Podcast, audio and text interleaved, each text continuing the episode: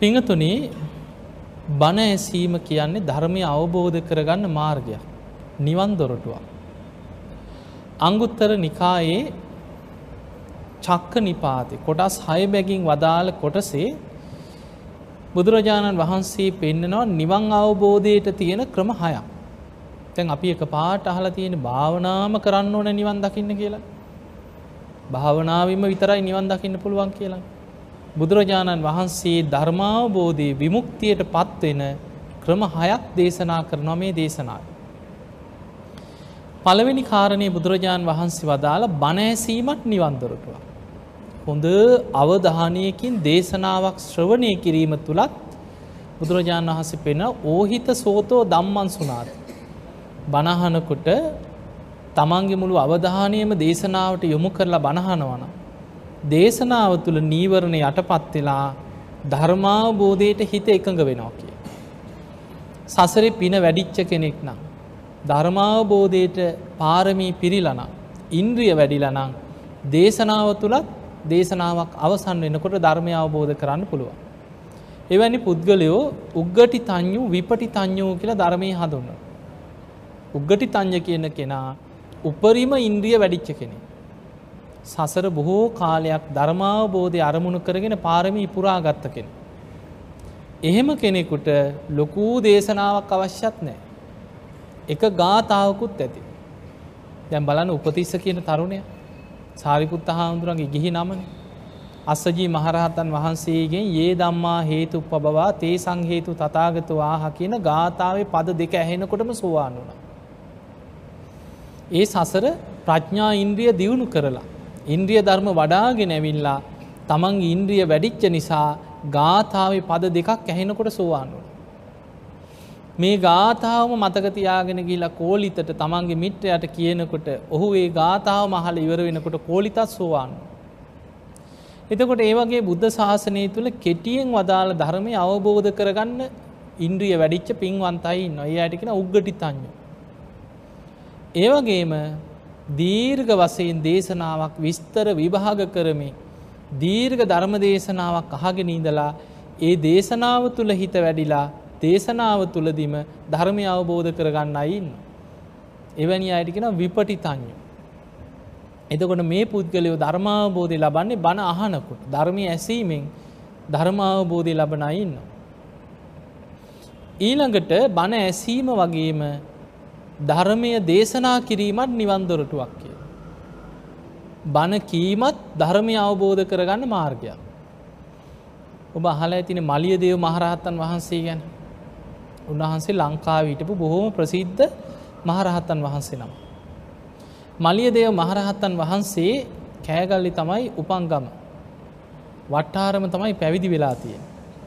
උන්වහන්සේ පෝය දවසක තුන්යම් රාත්‍රියක් එල්ලි වෙන කම්ම ගැඹුරු ධර්මයක් දායකයන්ට දේශනා කරා. මේ චතුරාරි සත්‍ය ඇතුළත් ගැඹුරු දේශනාවක් දේශනා කරනකොට ඒ බණ කියනකොට ධර්මාසනයේදිම හිත එකඟ වුණා බණ කියාගෙන යනකොටම හිත කෙලෙසුන්ගෙන් මිදිලා ධර්මාසනයම රහත් වුණ. මලිය දේව මහරහතන් වහන්සේ ගැන බණ කියද්දි ධර්මාසනයේ රහත්වෙච්ච රහතන් වහන්සේ නම. එතකොට ධර්මය ඇසීමත් නිවන්දොරටුවක් ධර්ම දේශනා කිරීමත් නිවන්දොරටුව. ඊළඟට බුදුරජාණන් වහන්සේ වදාළ ධර්ම සම්මර්ශනය ධර්මය අවබෝධ කරගන්න මගක් කියන. එකන නුවනින් හිතීම ධර්මය විමසීම යෝනිසෝ මනසිකාරය යෙදී. නිතර අපි ධර්මය නුවනින් විමසනවන. අවබෝධයට නැඹුරුවෙන ආකාරයට මේ ඇසා නිත්‍යයි කනානිත්‍යයි නාසය අනිත්‍යයි ඊළඟට ආයතනහය ඒ තුළ හටගන්න පංච උපාදානස්කන්දය අපි නිතර විමස විමස බලන්න පුරුදු වෙනවනං ඒ ධර්මය විමසීම තුළත් ධර්මාබෝධය ලබනවා. අන්න ධර්ම සම්මර්ශන. ඊළඟට බුදුරජාණන් වහන්සේ වදාළ ධර්ම සාකච්ඡාවත් නිවන්දොරටුව. ගැඹුරු ධර්ම කොටස් නුවනින් විමසමින් සාකච්ඡා කරන කොටත් ධර්මාවබෝධය ලබන්න පුළුව. ඊළඟට ධර්මය සජ්්‍යායනා කරමින් නුවනින් විමසනවා. ගැඹුරු ධර්මයක් හඬනගා සජ්්‍යායනා කරන ගමන් විමසනවා. ඒ තුළත් ධර්මාවබෝධය ලබන්න පුළුවන්. හයිවෙනි එක තමයි භාවනාවත් නිවන් දොරටුවක්කි.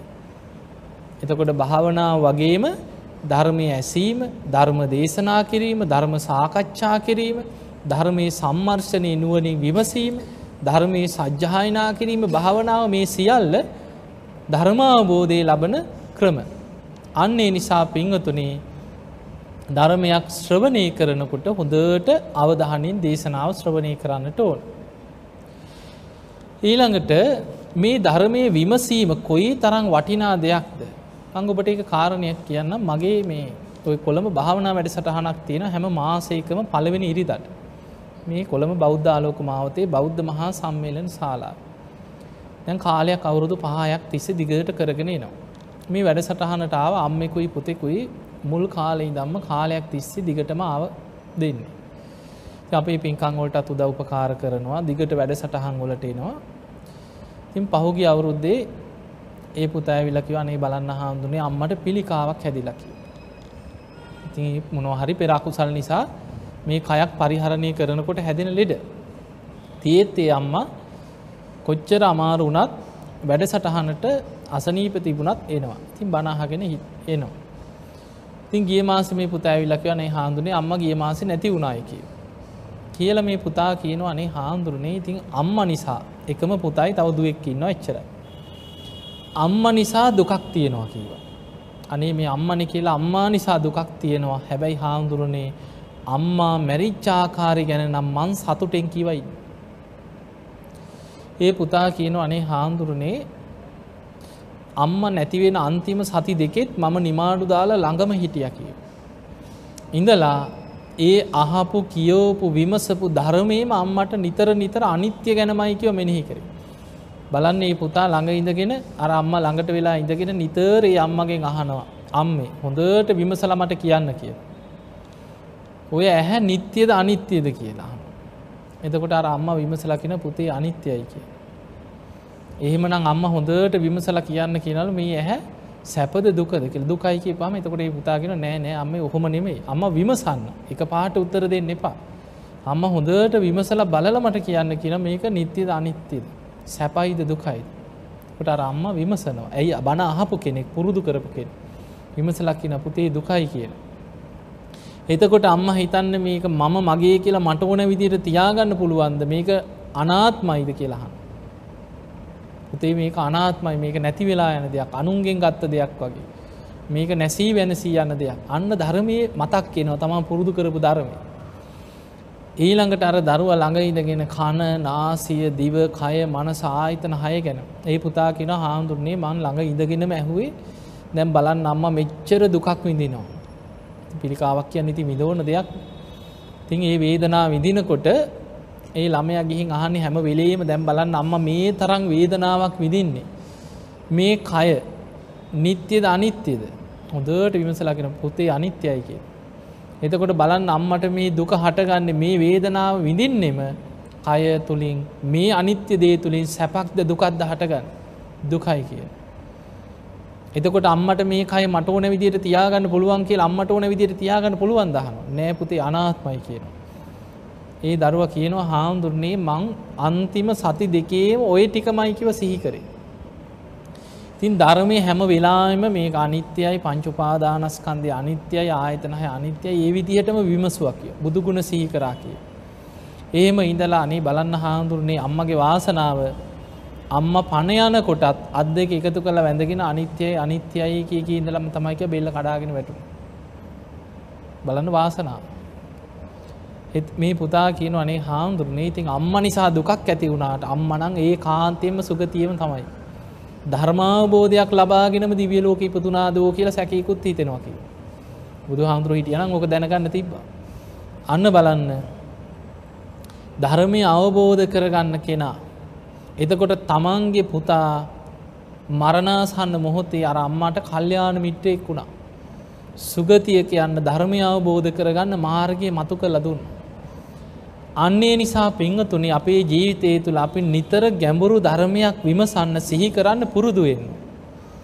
එහෙම පුරුදු වෙනකොට තමයි අපේ ජීවිතයේ ධර්මය මතක් කෙනෙ මතුවෙන්.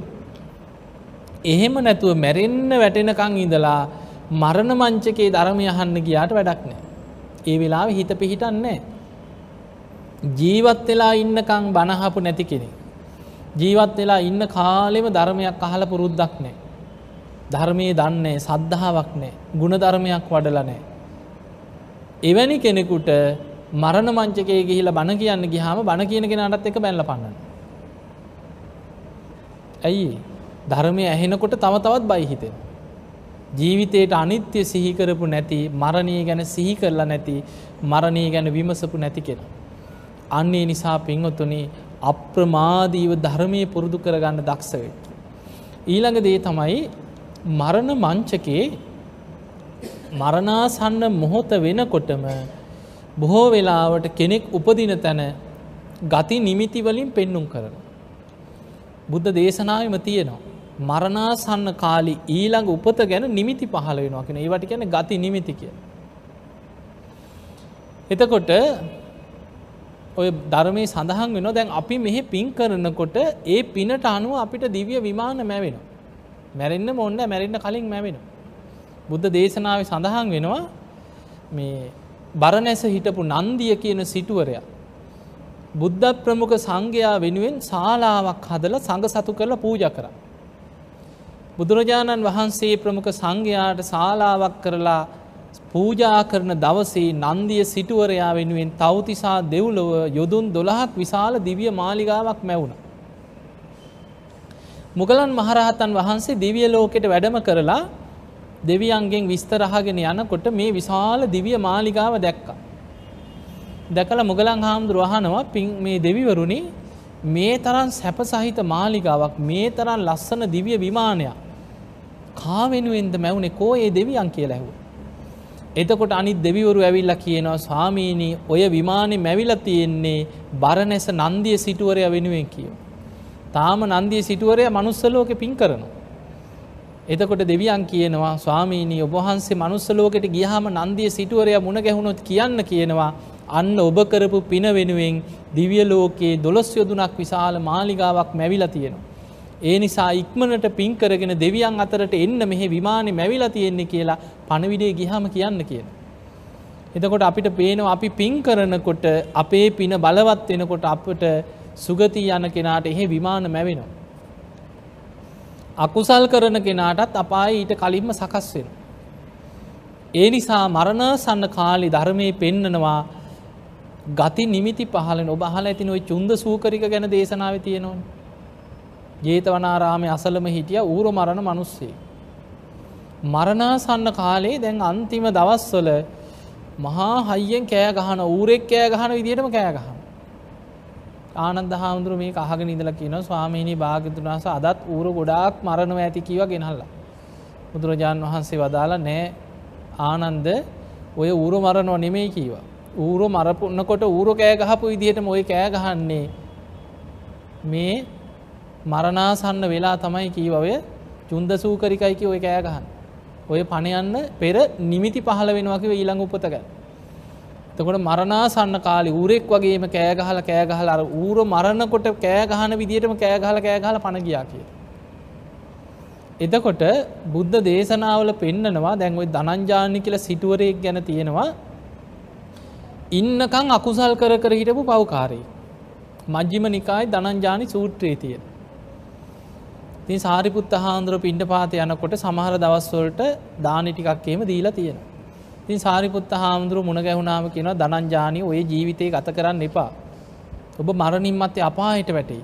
ඔබ අකුසල් කරන්න එපා ඔබ සිල් රකින්න ගුණධර්ම පුරන්න ධර්මය පිහිටන්න කිය.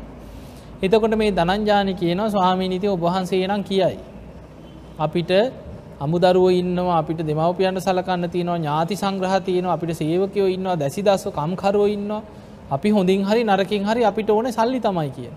අද ඉන්න ජාතියය වගේම තමයි තින්නේ ඒ විදිහටම කියන එක තියෙනවා ඒ දේශනාය ඔබ වහන්සේ නම් කියයි අපිට කොහෙන් හරි සල්ලි තමයි කියෙන ඕන. ති ඔහොම ඉඳලා ඉඳලා සාරිපුත්ත හාන්දුරුව මේ නගරයෙන් වෙනත් දිහාාවකට චාරිකාය වැඩිය. එහෙම වැඩම කරලා බොහෝ කාලෙකට පස්සේ අවුරුදු ගානකට පස්සේ ආයමත් සාරිපුත්ත හාන්දුරුව මේ නගරයට ඇවිල්ලා විමසල බැලුවා මේ යනකොට ඉතින් හිතවත් අයි මුණ ගැහුණා මහනව කොහොම දර දනංජානි දැන් සනීපෙන් ඉන්නවද හොඳින් ඉන්නවද කියලැහු.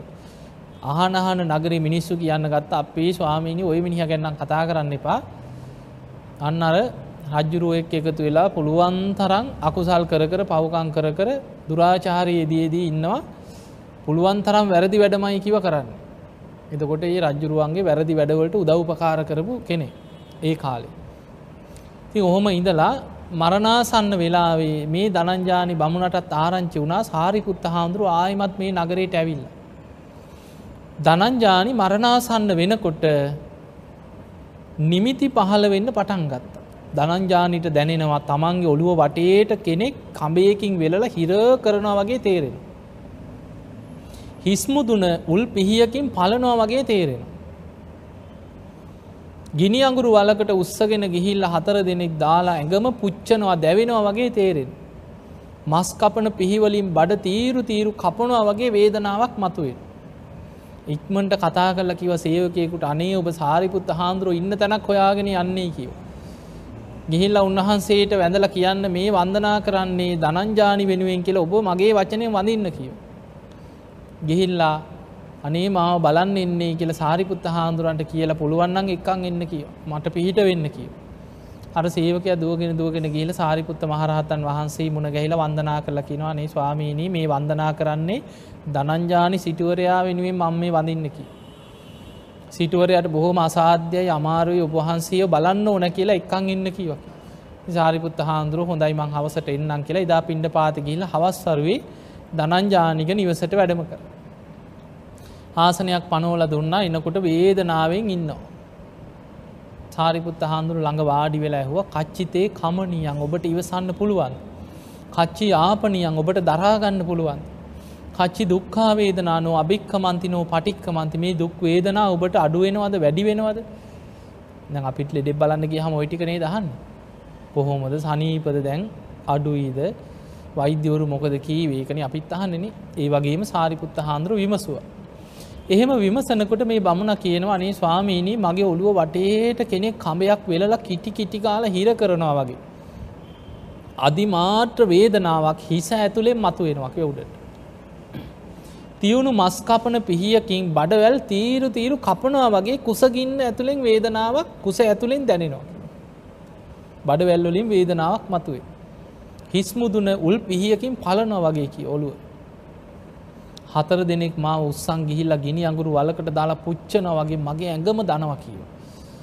තමන්ට දැනිච්ච වේදනා උපමා හතරකින් කියන. එතකොට සාරිපුත්ත හාන්දුර දැනගත්ත දැන්නම් ඉති ඉන්නකම් පව්කං කර කර ඉඳලා ඔයනම් අපාය නිමිතිම තමයි මේ පහළවෙන්. එතකොට සාරිපුත්ත හාන්දුරගෙන දනංජානි දැන් ඔබ හොඳට මෙන්න මේ විදිහට හිත හදාගෙන විමසන්න කියව මේ විදිහට හිත පිහිටවන්න. නිරේ කියන්නේ මහා දුක් සහිත තැනක්. නිරේ කියන්නේ මහා දුකක් තියෙන තැනක් කියලා ආදීනව හිතලා හිතලා අනේ මට ඊට වඩා තිරිසන් ලෝකෙ උපදින්න තියෙනවා නම් ඊට වඩා හොඳයි කියලා තිරිසං අපාය හිත පිහිටවන්න කිය. ඇයි අපාය යන්න නිරේට කර්මය හැදිච්චගෙන එක පාට දිවිය ලෝක යවන්න බෑ. ටිකක් ඉස්සර හටගන්න. එතකොට නිරේ ආදීනව සිහිකරෝලා සිහිකරෝලා නිරෙන් හිත නිදහස් කරලා ඔන්න තිරිසන් ලෝකට ගන්නක තිරිසන් ලෝක ගිනිගන්නවද පිච්චෙනවද? උල්ලොලින් ගන්නවද නෑ තිරිසන් ලෝකෙ ටිකක් හරි යම් කිසි මොනවාහරි ඔය තියෙන දෙයක් කාලබීල හරි බය ඇති ගැනීම තියෙනවා දුක තියෙනවා නමුත් අච්චර වේදනාවක් නෑ ඒ නිසා තිරිසන් ලෝක හොඳයි කියලා හිත පිහිටවන්නකව නිරේ ආදීනවම හිතන්නකි. එහෙම කියන්න කියන්න ආදීනව සිහි කරන්න සිහි කරන්න නිරෙන් හිත නිදහස් වෙලා ඔන්න තිරිසං අපාය හිත පිහිටි. අනේ ස්වාමිනී දැන්නම් හරි කියව. හැබැයි බිය තැති ගැනීම දැන් දැනෙනවා. තිරිසං අපා ඉන්න කෙනෙකුට බයයි තැති ගැන්මයි වැඩිපුර දැනෙනවා. ඔය තිරිසන් සත්තුන්ට තියෙන්නෙත් ඒකන. බලන් තිරිසන් සතකුට පුංචි බයක් ඇතිවුණනානම් පොඩි සද්‍යයක් ආවත් මොකද? දුවනෝ ඇකිලෙනෝ හැංගෙනෝ කොහරි ගුහාාවකට හරි මොකකට හරි රිංග ගන්න. හැම වෙලේම බියෙන් තැතිගැන්මෙන් ඉන්න. කොයි මොහොතේ තව සතෙකුට මාව ගොදුරක් වෙයි ඒ බයින් ඉන්න. එතකොට තිරිසං අපායට හිත පිහිටිය. දැන් නිරෙන් හිත මිදුන තිරිසන් ලෝක හිත පිහිටිය. දැන් සාරිපුත්ත හාමුදුර කියෙන දැන් ඔබ හිතන්න කිව මේ විදියට. දැන් හිතන්න කිවත් තිරිසං අපාය කියන්නේ දුක් සහිත. දැන් තිරිසන් ලෝකෙ ආදීනව හිතලා හිතලා එතනින් හිත මුදෝගෙන ඊට වඩා මට හොඳයි ප්‍රේත ලෝකී කවරු හරි දෙන පිනක් හරි අනුමෝදන් වෙලා මම් ප්‍රේත ලෝක ඉන්නම් කියලා එතනින් ටිකක් උඩට හිත පිහිටෝ ගන්න කිය. එතකොට නිරයෙන් තිරිසං අපායට ගත්ත. එතනින් දැන් හිත පිහිටවන්න හදනවා ප්‍රේත ලෝකයට ඇයි කවරු හරි දෙන පිනක් හරි අනුමෝදන් වෙන්න පුළුවන්න අච්චර දුකක් නෑන දැන් හොඳට විමසලා විමසලා විමසලා ටික වෙලාවක් යනකොට ඔන්න තිරිසං අපායනුත් හිත මිදිලා ප්‍රේත ලෝක හිත පිහිටි. ප්‍රේත ලෝකෙ උපදිනකොට සා පිපාසාව දැනෙන්න ගන්න. ප්‍රේතයන්ට වැඩිපුරම තියෙන කුසගින්න පිපාසි. සාරිපුත්ත හාන්දුරු කියනවා දැන් ඉතින් දැන් ප්‍රේත ලෝක හිත පිහිටිය. දැන් ඔබ මනුස්ස ලෝකෙ අරමුණු කරගෙන හිතන්න කිව මොනවා හරි කරපු පිනත් දහම්. සාරිපුත්ත හාමුදුරන්ට යම් දානි හැන්දක් හරි බෙදුවනං ඒකම සිහි කර කර අර පරණ වැරදි අතහැල්ල එතකොට ඒ වෙලාවෙ සීලේක පිහිටෝලා තමන් ඒ වෙලාවෙ හරි සීලවන්ත කරලා අර කරපු පින මතු කරන්න මතු කරන්න අන්න ප්‍රේතලෝකෙන් හිත මිදිලා මනුස්ස ලෝක හිත පිහිටි. ස්වාමිනි දැන්නම් හරිය කියෝ. එතකොට සාරිපුත්ත හාන්දුරු කියනවා බ්‍රාහ්මණය මනුස්ස ලෝක කියන්නේ දුක් සහිතයික ඇයි දැ මැරෙන්න්න වැටෙනකම බැරිවුණන දෙයක් කරගන්න. ඒ නිසා මනුස්ස ලෝකෙත් ආදීනවම හිතන්න කිය. මනුස්ස ලෝකෙ දුක් සහිතයි කියලා ආදීනවේ හිතලා හිතලා ඊට වඩා මට හොඳයි චාතුම් මහරාජික දිවිය ලෝක කියලා දිවිය ලෝක හිත පිහිටවන්නකි. දිවිය ලෝක නිකං හිත පිහිටන්නේ. දිවිය ලෝක හිත පිහිටන්න නම් තමා තුළ තියෙන්න්න ඕන කරුණු පහක්. සද්ධහා සීල සුත තියාග ප්‍රඥා තුනුරුවන්ගෙරේ පැහැදීම හොඳට දියුණු වෙන්න ඕන සීලවන්තකමක් තියෙන්න්න ඕන දහම් දැනුමක් තියෙන්න්න ඕන ඊළඟට තියාග සම්පත්තිය කියන්නේ දම්පින්කං කරලා පිනමතු කරගන්නට ඕන ප්‍රඥාවගෙන ධර්මය නුවනින් විමසල ඇති කරගත්ත යම් වැටහීමක් තියෙන්න්න ඕන ධර්මයක ඔය කරුණු පහින් තමයි සුගතිය හිත පිහිටන් එතකොට ඒ කරුණු වැඩෙන විදිහට සාරිපුත්ත හාන්දුරු බණ කීවා තුනුරුවන් ගැන සද්ධාව වැඩෙන විදියට දහම් දෙසවා. ඒ වෙලාවෙ සීලේක පිහිටෙව්. දහම් දැනුම වැඩෙන විදියට ධර්ම කරුණු ජීවිතය ගැන කියමින් බණ කියව. කරපු පින්කං එකින් එක හරි මතක් කරලා එක බලවත් කරෙව්. මේ කරුණුවල හිත පිහිටනකට ඔන්න දැන් චාතුම් මහරාජික දිවියලෝක හිත පිහිටි. එතකොට සාරිපුත්ත හාන්දුරුව කියනවා බ්‍රාහ්මණය දැන් ඔබේ හිට චාතුම් මහරාජික දිවියලෝක පිහිටි. දැන් හිතන්න කිව ඊටත් වැඩිය සැප සහිතයි තාවතිීස දෙව්ලෝ. එහෙම එතනින් තාවතින්සේ හිත පිට ඊළඟට යාම තුසිත නිම්මාන් රති පරනිම්මිත වසව. එකින් එක එකින් එක ඉහලට ඉහලට හිත පිහිටවගෙන යනකොට දැම් බණ අහාගෙන හිත පිහිට ඕනකොට විමසනකොට ඒ වෙලාවේ පින මතු වෙලා හිත සමාධිමත් වුණ. ඔන්න බලන්න මරණ මංචකයේ කල්්‍යාන මිත්‍රයෙක් ළඟඉදීමේ තියෙන වටිනාක. මරණාසන්න මොහොතේ අපා යන්න කර්මය හැදිච්ච කෙනාට ධර්මය සිහි කරලා සිහි කරලා ඉහලට අරගෙන ධර්මය කියනකොට ඒ තුළ විමසනකොට හිත එකඟ වෙලා සමාධයක් ඇතිව. සමාධී ඇති වෙච්ච ගමන් හිත පිහිටන්නේ බඹලව.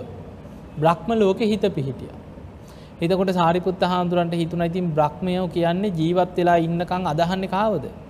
මහා බ්‍රහ්ම දෙවියන්ගන. ඒ නිසා ඉතින් බ්‍රමලව ඉප දෙන්න කැමතින ආසයින් මහා බ්‍රහ්මය ළඟට යන් ඒ නිසා දනංජානිතතය ඔයිටික මදය කියලා හිතුනා. හිතිල සාරිපුත්ත හාමුදුරුව මෛත්‍රී කරුණා මුදිතා උපේක්කා කියන සතර බ්‍රහ්ම විහරණ වඩන්න කියලා භාවනාව සිහි කරලා සාරිපුත්ත හාමුදුරුව වැඩම කරා ආරාමයට. සාරිපුත්ත මහරහතන් වහන්සේ එලි එතනින් එලියට බැහැර ටික දුරක් යනකොටම මෛත්‍රියේම හිත පිහිටෝලා එහෙම මරණයට පත්වෙලා නින්දෙන් පිබිදිය වගේ බ්‍රහ්ම ලෝකෙ පහළ වූ. එතකොට මේ බ්‍රහ්ම ලෝකයට ගිය කොහයන්න හිටපු කෙනෙක්ද. අපායට නිරේට කර්මය හැරිච්ච කෙන. මරණ මංචක අර අකුසලේ යටපත් කරගෙන කුසලයක් මතු කරගන්න පුළුවන් වුණා කල්්‍යාන මිත්‍රයට ළඟ හිටපු නිසා. එදකොට අපිට පේනවා මේ මරණාසන්න කාලේ නිමිති පහළ වෙන අකුසල් බලවත් වෙන. ඒ නිසා පිංහතුනේ බලන්න බුද්ධ දේශනාව තියෙනවා නිරේ යන්න නම් කෙනෙකුට කර්මය හැදෙන්. පුළුවන් තරන් කායි දුෂ්චරිතයේ වචී දුෂ්චරිතයේ මනෝ දුෂ්චරිතය එදිලා. නියත මිත්‍යාදෘෂ්ටිකව අකුසල් කරලා කරලා පුළුවන් තර පවකං කරලා කරලා ඒවා බලවත් වනොත් මරණ මංචකේ. මරණාසන්න දිනවල ගිනිදැල් පේන්න පටන්ගන්න සමහරුන්. සමහරුන්ට පේනවා තමන් ඇදගෙන යනවා උල්ලොලින් අනිනවා කපනවා කොටනවා මේ පේනවා. එහෙමයි ඉන්නවා සමහරු අපිට ඇවිල්ලම කියනවා. ඔය ළඟදි මං රෝධපුටුවක් ගෙනල්ලා පූජා කරා කෙනෙක්. පෞගිය කාලේ මං රෝධපුටු අත්තාරු එකතු කරලා යුද්ධෙන් ආබාධිත වෙච්ච අපි හමුදාවේ අයටත් ගොඩක් බෙදුවා. ඒ වගේම අන්තිමට ඔබ දකින්න ඇති ඔය නන්දි කඩාල් කලපුවෙන් හමුදාව බේරගත්ත මිනිස්සු ටික. ලක්ෂ ගානම් මිනිස්සු කොටු කරගෙන හිටි. ඒ මිනිස්සු අතරින් බොහෝ පිරිසක් යුද්ධෙට මැදි වෙලා ඉතින් ආබාධිත වෙච්ච අය හරියට ඉන්න අහිංසක මිනිස්සු. සමහරු ලී දෙබලක් තමයි කකුලට හිර කරගෙන ඉන්නේ. කිහිලි කරුවක් ගන්න සල්ලි නෑ. ඒ වගේ අන්ත අසරණ වෙච්ච ටෑර් කෑල්ලක් තියාගෙන රූට රූට යන මිනිස්සු හරියට ඉන්න. මම රෝධපුටු අත්තාරු එකතු කරා හරියට. දවසක් රෝධපුටුවක් අරගෙන ආවා පිරිසක්.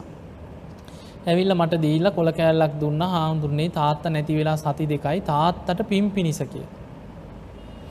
ති මං මේ කොලේ අරගෙන කියවල තාත්තට පින් දුන්න. තිේ ලරුව සාදු සාදු කියලා පින් අනුමෝදන් කරලා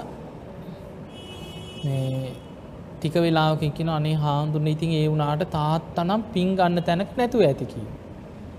මං ඇව ඒ මොකද කියලා. හාමුදුරුවනේ තාත්ත මැරෙන්න්න සතියක් විතර තියල කෑගහන්න ගත්තකි වර දොරවහපිය ගින්දරෙනවා මාව පිච්චෙනෝ ඉදොරවහ පල්ලා කියලා කෑගහනවා. දරුව ගිහිල දොරවල් වහන.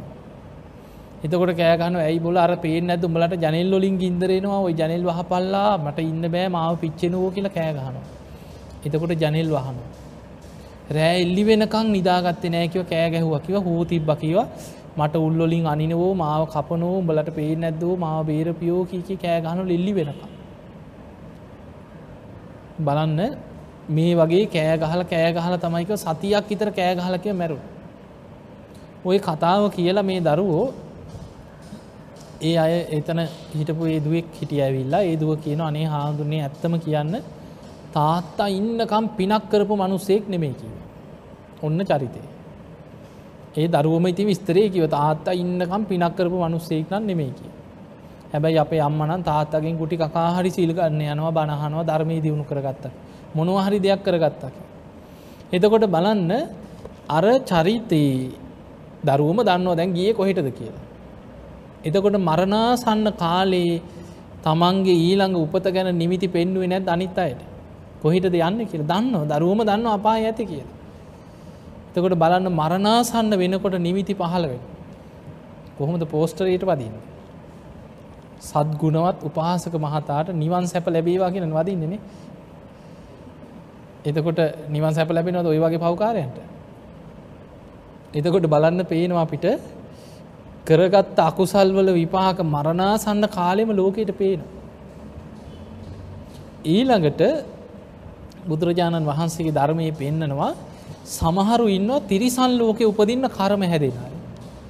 ඒ වගේ අයට මරණාසන්න වෙනකොට බියයි තැතිගැන්මයි දැනෙනවා කිය. අර තිරිසන් සත්තුන්ට තියෙන බිය තැතිගැන්ම වැඩිපුර දැනෙනවා කියෙන මරණාසන්නයි.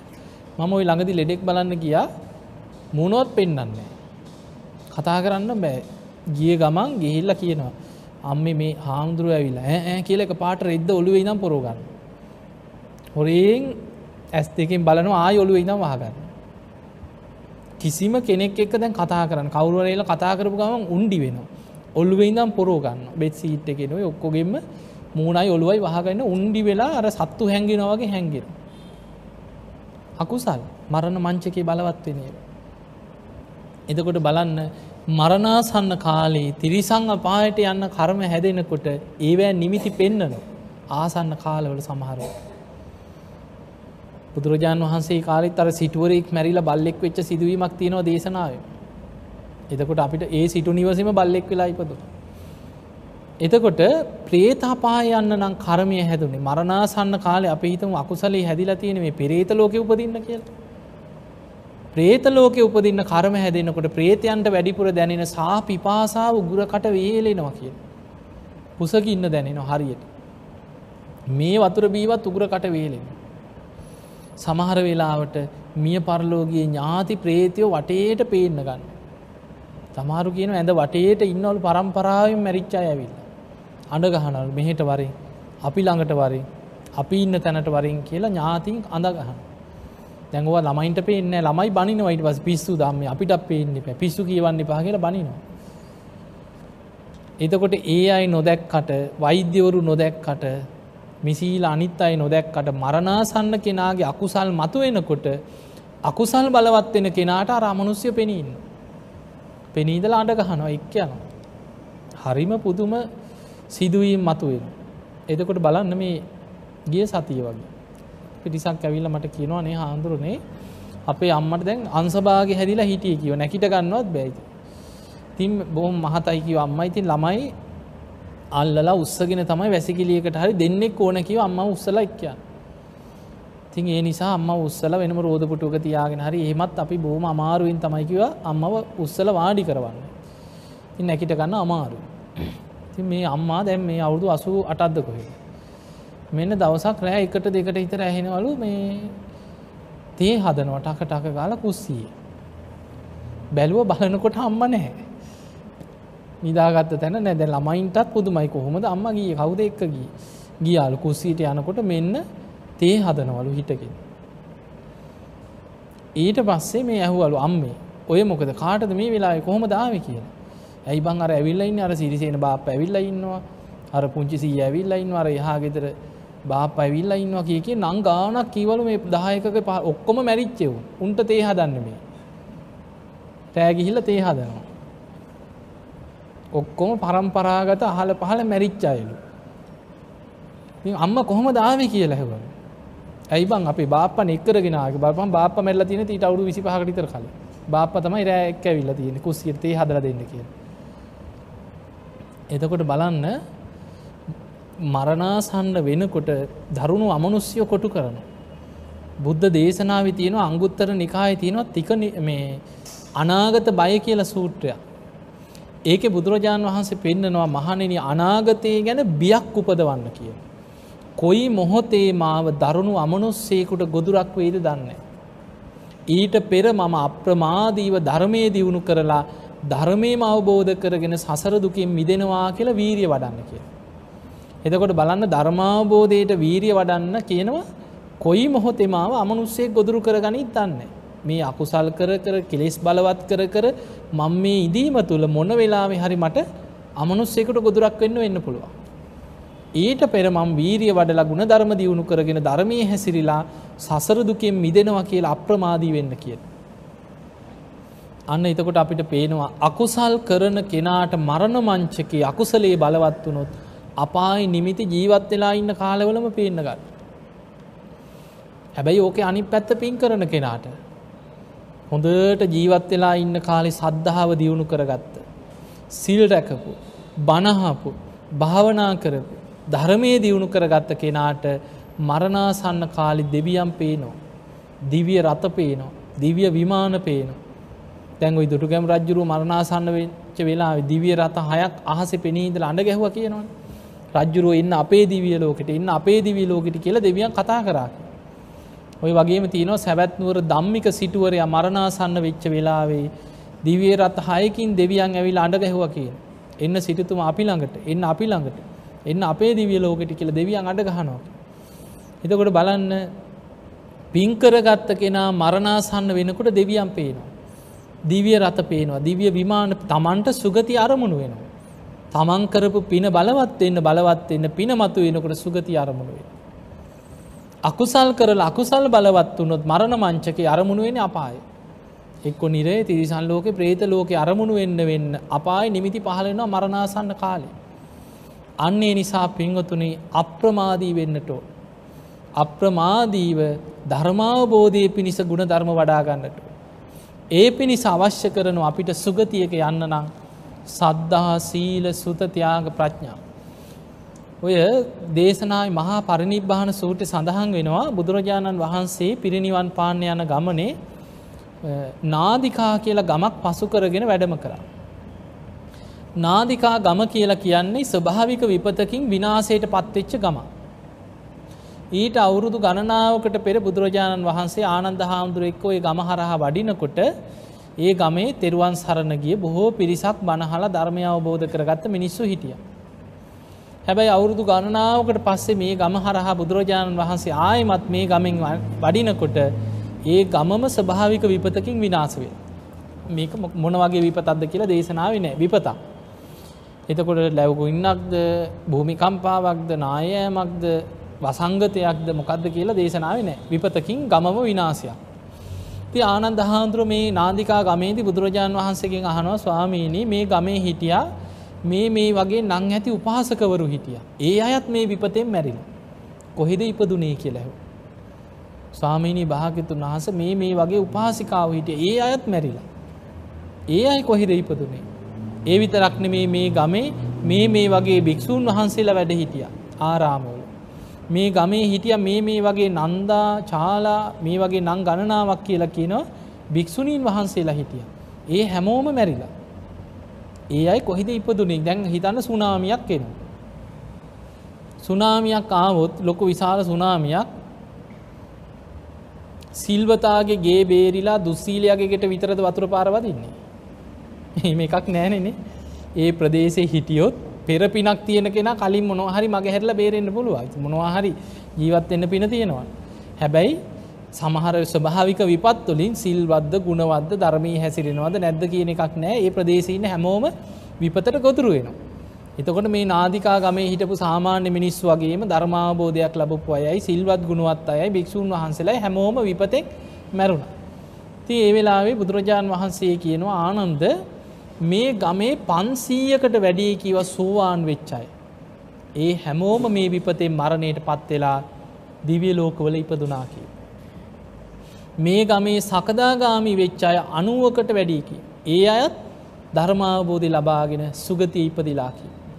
අනාගාමි වෙච්චයි පණහක් විතර මේ ගමේ වැඩ හිටියක් ජීවත් වනා. ඒ අයි දැන් සුද්දාමාස බඹලෝ ඉපදිලා හෙදි පිරිනිවම් පානෝකි. කියල බුදුරජාණන් වහන්සේ වදල ආනන්ද ඔබෝය කියපු ස්වාමීන් වහන්සේලා අතරින් ඇතැම් ඇතැම්මයි රහත් වෙච්චාය මේ විපතෙන් පිරිනිවන් පෑවකි. භික්‍ෂුණීන් වහන්සේලා අතරින්නුට රහත් වෙච්චායි පිරිනිවන් පෑව. ඔහොම කියලා කියන ආනන්ද මේ ගමේ හිටපු මිනිස්සු අතරේ. යම් කෙනෙකුට තුනුරුවන් ගැන සද්ධහාමාත්‍රයක් පේම මාත්‍රයක් අවබෝධයකින් දියුණු කරගෙන සීලාදී ගුණධර්ම රැකගෙන හිටපු පිරිසක් හිටියනං ඒ සියලු දෙනා සබ්බේතයේ සග්ග පරායෙන් සුගතිය ඉපදුනාකි. එතකොට අන්න ධර්මය දියුණු කරපු අයට ගැන විතරයි ඒ අයි සුගතිය ඉපදින. ඔන්න ස්වභාවික විපතක් ඇති වෙනකොට ධර්මය දියුණු කරන අය සුගතියකයන්. ති ඔය වගේ එකක් කෙනා ගැන අහනකොට බුදුරජාණන් වහන්සේ බොහම ලස්සන දේශනාවක් එතනති කර බුදුරජාණන් වහන්සේ වදල ආනන්ද මැරෙන මැරෙනය කොහෙද ඉපදුනේ කොහෙද ඉපදුනේ අසවලා කොහෙදගී අරය කොහෙදගිය කියලම එකක් කෙනා ගැන හැම වෙලාම බුදුරජාණන් වහන්සේගෙන් විමසලා විමසලා තතාගතයන් වහන්සේ විහිස වන්න එපා කියව. ඇය බුදු නුවනින් බලන්න පැහැමවෙලේ දැන් යාකොතන්ටදකි හරයකොතනදයින්. ඒ නිසා බුදුරජාණන් වහන්සේ වෙහිස වන්න එපා කියව. ආනන්ද තමන්ටම තමන් ගැන බලාගන්න දහම් කන්නාඩියක් ගැන දේශනාවක් කරන්නන් කිය. දහම් කැඩපතක් ගැන දැන් ඔබට දේශනා කරනවා කියලා එතනදි බුදුරජාණන් වහන්සේ ධර්ම දේශනාවක් කර. ඒ දේශනාව තියෙන්නේ තමන්ටම තමන් උපදින තැන බලාගන්න පුළුවන් දහම් කන්නාඩිය. දැන් අපි කන්නාඩියල් ළඟට යන්න මොකට අපි යුදී හැ බලාගන්නන්නේ කන්නාඩි ඉස්සරහට යන්නේ තමන් දිහා බලන්න. දැන් කියන්න නිකම් විමසලා දැන් අපි කන්නාඩිය ළඟට ගිහිල්ලා බලන්නේ කවුරු දිහාද? Taman දිහා නෙමෙයි කන්නාඩිය දිහා. කන්නාඩිය ළඟට ගිහිල්ලා බලන්න ඕනේ කන්නාඩිය දිහා. එතකොට කන්නාඩියෙන් Tamanව පේනවා. එහෙමනේ බලන්නේ. අන්න ඒ වගේ දහම් කන්නාඩියෙන් Taman දිහා බලන කෙනා බලන්න ඕනේ ධර්මයෙන් Taman ඉන්න තැන කොතනද කියලා බලන්න කියලා. බුදුරජාන් වහන්සේ වදාලා මහණෙනි ආනන්ද යම් කිසි කෙනෙක් තුළ තුනුරුවන් ගැන සද්ධාව දියුණු නං දහම් කන්නාඩියෙන් බලන්න කිව සද්ධාව දියුණු කෙනා කොහෙ යන කෙනෙක්. ඒ කාන්තයෙන් සුගති. තමා තුළ සද්ධාව විතරන්නේ සීලය දහම් දැනුම තියාග සම්පත්තිය ප්‍රඥාව මේ කරුණු පහ තමන් තුළ තියෙනවාද කියලා බලන්නකි. සද්ධහා සීල සුතතියාග ප්‍රඥ. ඒවා තියෙනවනන් දහම් කන්නාඩිය ඔස්සේ තමන් ඉන්න දැන බලාගන්නකි. දහම් කන්නාඩියෙන් බලනකොට පේනවා සද්දා සීල සුතතියාග ප්‍රඥා තියෙන කෙනා ඒ කාන්තයෙන් සුගතිය යනවා. එහෙම නම් මා තුළත් සද්දා සීල සුතතියාග ප්‍රඥා තියෙනවා මමත් සුගතිය යන කෙනෙක් මම දැම්මැරුණ සුගතියමයි කියලා දහම් කන්නාඩියෙන් තමන් දිහා බලලා තමන් තමන් ගැන ස්තීර විශ්වාසකට එනවා මම ඒ කාන්තයම සුගතිය මයි කෙන විශ්වාසය ඇතිවේ. අන්නේ නිසා පිංගතුනේ බුදුරජාණන් වහන්සේ අපට පෙන්නනවා කවදක් කොතන කොයි මොහොතේ මැරුණත්. ඒ කාන්තයෙන් සුගතිය උපදින්න නම් සද්දා සීල සුත තියාග ප්‍රඥා ඇති කරගන්න. එහෙම නම් මේ පින්වත් හැම දෙනාම දැඩි අධිෂ්ඨානයක් ඇති කරගන්න. අපේ ජීවිත දවසින් දවස මොහොතින් මොහොත ෂණයෙන් ෂනය මරණයට ලංවෙනවා. කවද කොතන කොයි මෝතේ හුස්මටික අයිද කියලා අපි කවුරුත් දන්න. මේ මරණය නැමති අනතුර ඉදිරියේ මමත් අප්‍රමාදීව සද්ධාදී ගුණ ධර්ම දියුණු කරගෙන ධර්මයම අවබෝධ කරගන්න කෙනෙක් බවට පත්වෙනවා කියන අධිෂ්ඨානය ඇති කරගන්න.